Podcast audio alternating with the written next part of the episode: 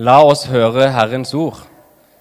Vi leser fra profeten Jesaja i kapittel 49. Hør på meg, dere kyster. Lytt, dere folk fra det fjerne. Herren kalte meg før jeg ble født. Fra jeg var i mors liv, har Han husket mitt navn. Han gjorde min munn til et kvast sverd. I skyggen av sin hånd skjulte han meg. Han gjorde meg til en spiss pil, i sitt kogger gjemte han meg. Han sa til meg, Du er min tjener, Israel. På deg vil jeg vise min herlighet. Men jeg sa, Forgjeves har jeg slitt, all min kraft har jeg brukt på tomhet og vind. Min rett er likevel hos Herren, min lønn er hos min Gud. Og nå, sier Herren, som fra jeg var i mors liv har formet meg til sin tjener for å føre Jakob tilbake til ham, så Israel kan samles hos ham. Jeg er æret i Herrens øyne, min Gud er min styrke. Han sier, Det er for lite at du er min tjener som skal gjenreise Jakobs stammer og føre de bevarte av Israel tilbake. Jeg gjør deg til lys for folkeslag, så min frelse kan nå til jordens ende. Så sier Herren, den hellige som løser Israel ut, til ham som er foraktet, forkastet av folkeslag, slave under herskere. Konger skal se og reise seg, fyrster skal se og kaste seg ned, for Herren er trofast. Israels hellige, han har valgt deg ut.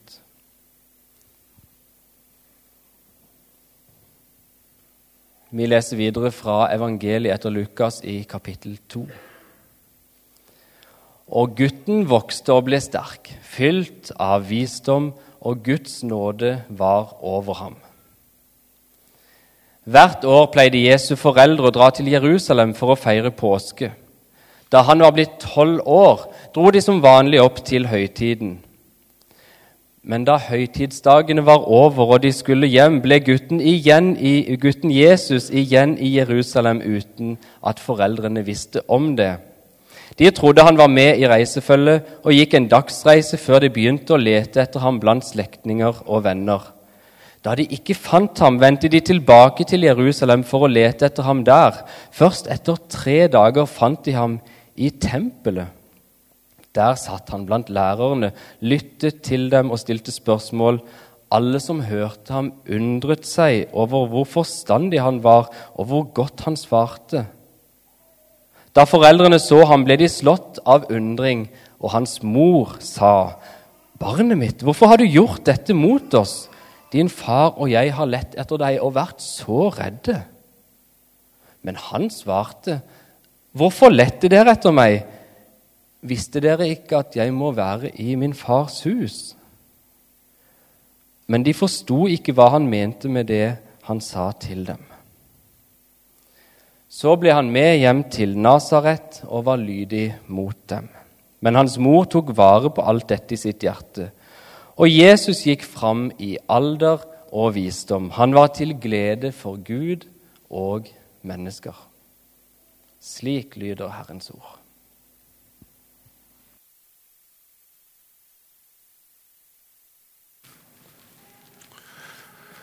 Takk skal du ha, Stein Ole.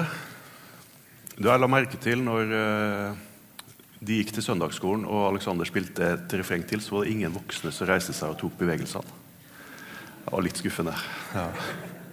Den er litt tung, den sangen der, synes jeg, for jeg får aldri rytmen på den snurringa. Så jeg kommer aldri inn på klappet. Men uh, det går bra. På onsdag i uka som var, så var eh, dagens tekst fra Bibelselskapet om innvielsen av tempelet. Og det første verset som sto der, så sto det at Guds sky fylte tempelet, og Guds herlighet fylte opp tempelet så prestene måtte gå ut. Og det blei for meg en sånn bønn og et håp og en lengsel for det semesteret som ligger foran oss i storsalen at vi må få erfare Guds herlighet på en sånn måte. At vi må få erfare å se Gud på en måte som forandrer oss. som gjør noe med oss, og som vi ikke kan unngå å se. Og I dagens tekst så fant jeg tre spor som egentlig fordypa den bønnen og det håpet for oss som fellesskap og for oss som individer. En bønn om Guds nærvær og en bønn om at Gud må prege oss. Tre spor i teksten som jeg skal ta hver for seg, og som jeg skal avslutte med at vi ber en salme sammen for å la det sette seg i oss. Så i dag må dere være litt aktive under talen. Og hvis dere detter av, så blir dere henta inn igjen når vi skal be en salme. Og når salmene kommer, så står jeg der og leder eller ber det som står én foran, sammen med dere, og Aleksander står der og ber del to sammen med dere. Er dere med på det? Veldig fint. Første spor jeg fant, det er lengsel. Dette er en tekst som er full av lengsel. Det er en tekst om Maria og Josef, mor og far, som ikke finner sønnen sin. Som er fortvila, som sannsynligvis er redd og som lengter etter å se sønnen sin igjen. Og det er en tekst om lengsel etter Gud. Maria og Josef, alle slektningene, alle vennene, som hvert år dro opp til tempelet for å feire påske. Som hadde en sånn dragning mot Gud at de innordna livet sitt etter det. At de tok fri mange dager for å reise opp til Jerusalem for å feire påske. Og Jesus som måtte være i sin fars hus. Lengsel etter det hellige, etter nærværet, etter Gud.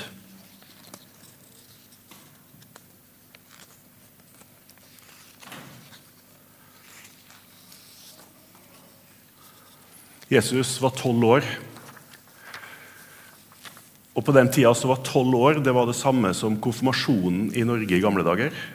Så Nå ikke, blir vi ikke voksen før vi er 35, men i gamle dager så var det jo sånn at når du ble konfirmant, så var du voksen. Da måtte du ta ansvar for eget liv. Og Jesus, når han fylte tolv år, så ble han regna som voksen. Han var ferdig med den grunnleggende Tora-undervisninga, altså undervisning i loven. Og han skulle velge retning for livet. Og Hvis du etter ferdig Tora-undervisning var flink nok og dyktig nok, så gikk du i lære hos en rabbi for å bli enda dyktigere i Skriften og for å bli en skriftlærd.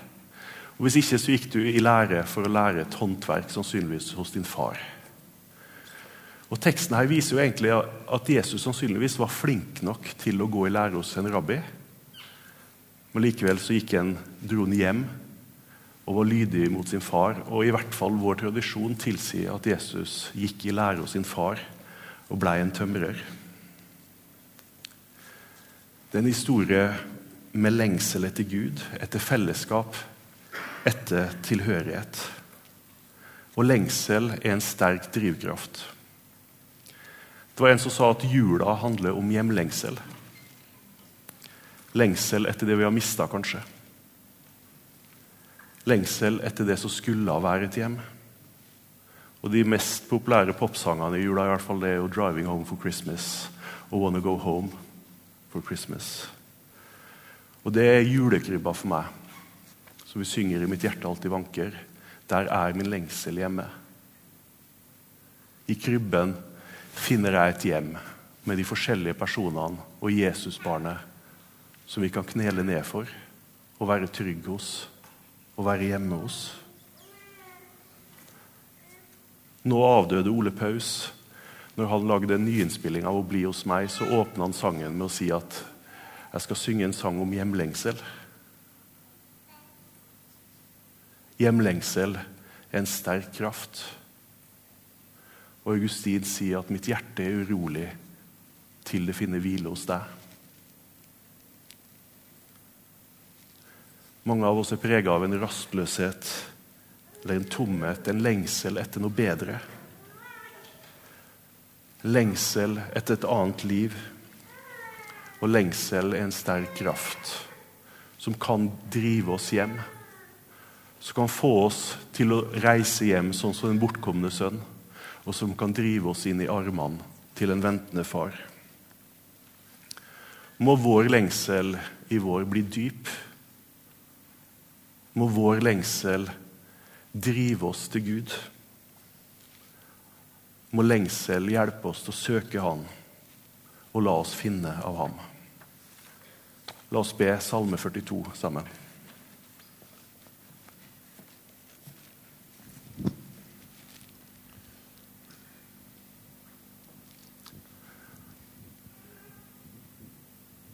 Salme 42.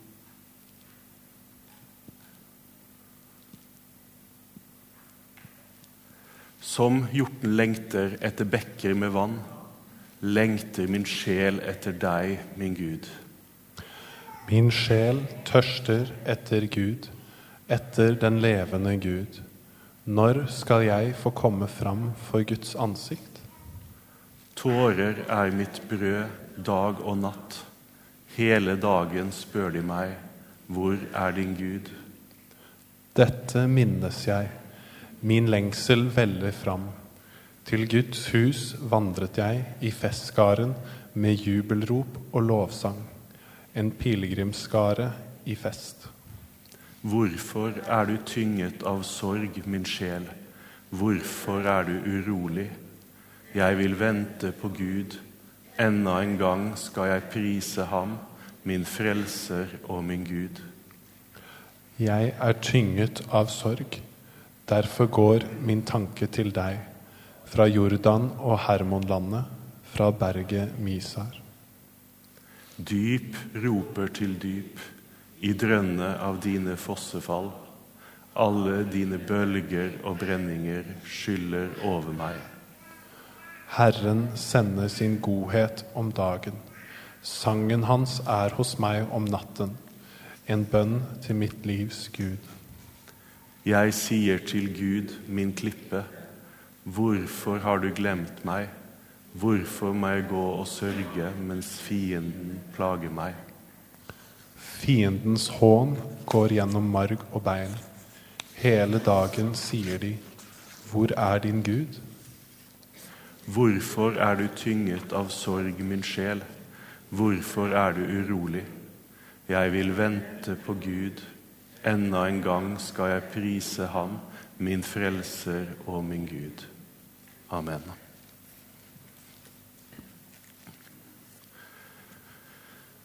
Det andre sporet jeg finner, er far og fars hus. Og Det er jo for mange tyngdepunkt i teksten når Jesus svarer sine foreldre visste dere ikke at jeg måtte være i min fars hus. Og på gresk i den teksten her så står det ikke 'hus'. På gresk så står det 'visste dere ikke at jeg måtte være i min fars'. Og det er jo Man må jo ha et ord der. Det må jo peke på noe, og det er et fornuftig valg av oversetterne å si 'min fars hus'. Men for meg så åpna det teksten på en ny måte. For der kunne det, like, det kan like gjerne være at det er ment Visste dere ikke at jeg måtte gjøre min fars vilje? Visste dere ikke at jeg måtte være i min fars vilje? Være i min fars gjerning? Være i det min far gjør? Og Det er jo den røde tråden i evangeliene. At Jesus søker å gjøre fars vilje. Han sier det igjen og igjen at 'jeg gjør bare det far viser meg'.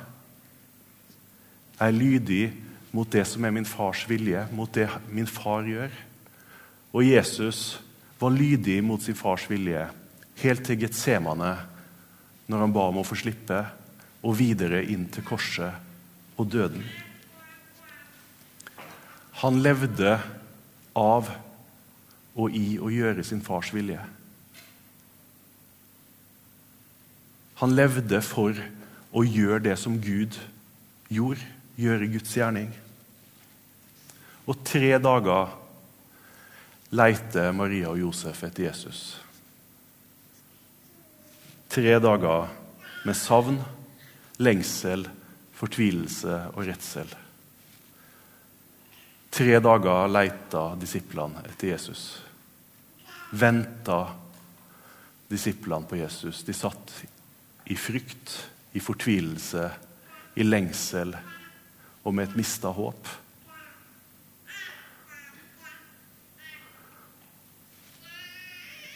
Og når de fant den tomme grava, så ble de møtt med det samme spørsmålet. Visste dere ikke? Har jeg ikke sagt dere at jeg skulle stå opp?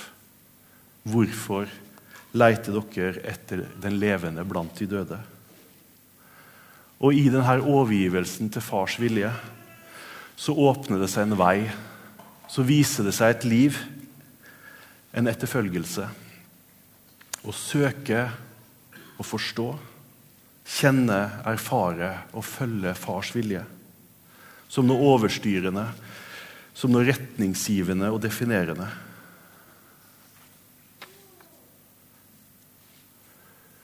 Når jeg 1. januar skulle begynne på ny økt med å lese Bibelen på ett år, så ble jeg ikke uventa, jeg visste jo at det kom, møtt med Salme 1, som er lesing første dagen.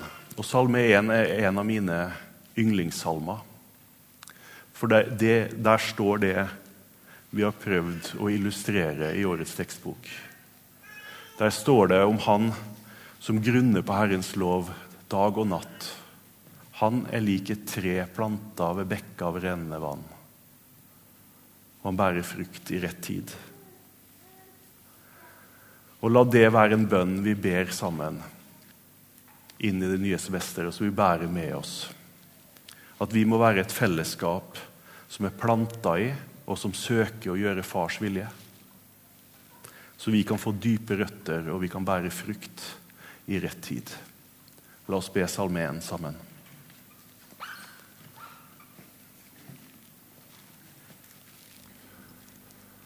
Salig er den som ikke følger lovløses råd, ikke går på synderes vei og ikke sitter i spotteres sete. Men har sin glede i Herrens lov og grunner på Hans lov dag og natt. Han er lik et tre plantet ved rennende vann. Det gir frukt i rett tid, og løvet visner ikke. Alt han gjør, skal lykkes.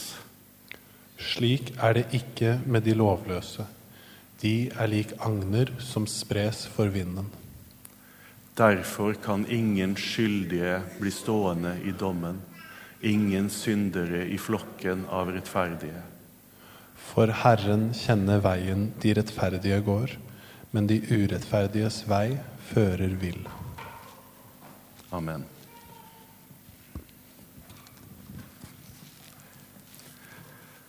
Det tredje sporet det er rett og slett tempelet. Det er pilegrimsvandringa som de hvert år la ut på.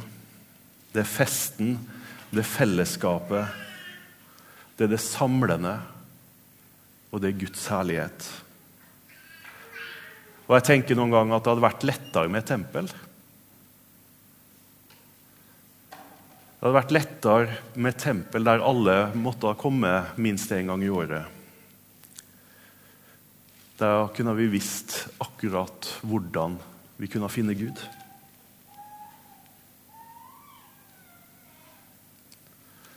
Men Jesus han gjorde sin fars vilje. Han døde og sto opp. Han overvant døden. Han viste sin kjærlighet til oss, og han sendte sin ånd. Og nå bor Guds herlighet i oss.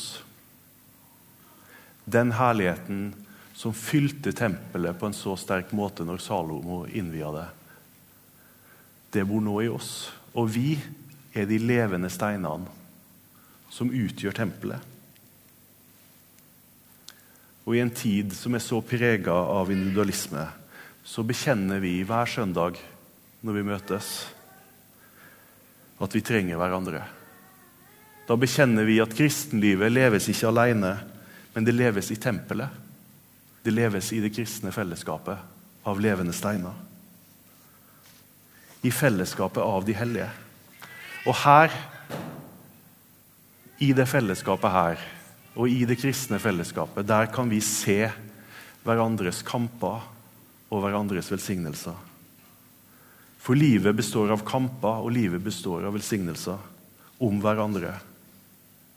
Og her ser vi hverandres kamper, og gjennom det får vi styrke til å bære våre egne. Her ser vi hverandres vandring med Gud og får forbilder, eksempler, til å sjøl leve i etterfølgelse. Her bærer vi hverandres byrder. Her ber vi for hverandre. Her finner i hvert fall jeg mine helgener. For her ser jeg forbilder som på ulike måter lærer meg hvordan det kristne livet leves. Og som til ulike tider gir meg den styrken jeg trenger for å leve det kristne livet. Tempelet med Guds herlighet er ikke lenger et konkret sted, det er et fellesskap. Det er fellesskapet av de hellige. Det er fellesskapet av oss som kommer til kort, men som også gir hverandre styrke. Det er fellesskapet av oss som synger surt, og oss som synger fint. Oss som klarer å snurre rundt på bevegelsessanger, og oss som ikke klarer det. Det er fellesskapet av oss som ber masse, og oss som ber lite. Det er fellesskapet av oss som synder, og oss som seirer. For det skjer noe når vi kommer sammen. Guds herlighet fyller stedet hvor vi møtes. Guds herlighet fyller oss. Så la det semesteret her, den våren her, bli en tid hvor vi sammen ber om at Guds herlighet må fylle oss. La dette bli tida der vi ber om at vi i enda større grad må bære hverandres byrder. At dette blir en tid hvor vi enda større grad går sammen i hverandres kamper og velsignelse. Hvor vi uansett omstendighet kommer hit og får styrke. I Hans ord, i brødet, i vinen, i fellesskapet. Hvor vi sammen lengter, hvor vi sammen søker Hans vilje og hvor vi sammen holder fast på løftene om hans nærvær. La oss be Salme 100 sammen.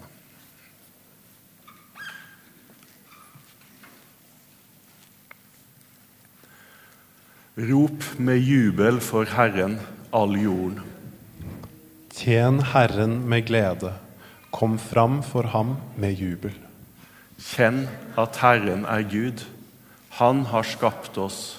Vi er hans vi her er hans folk og den flokken han gjeter. Kom gjennom portene hans med takkesang, inn i forgårdene med lovsang. Lov ham, velsign hans navn. Herren er god, evig er hans miskunn. Hans trofasthet varer fra slekt til slekt. Amen.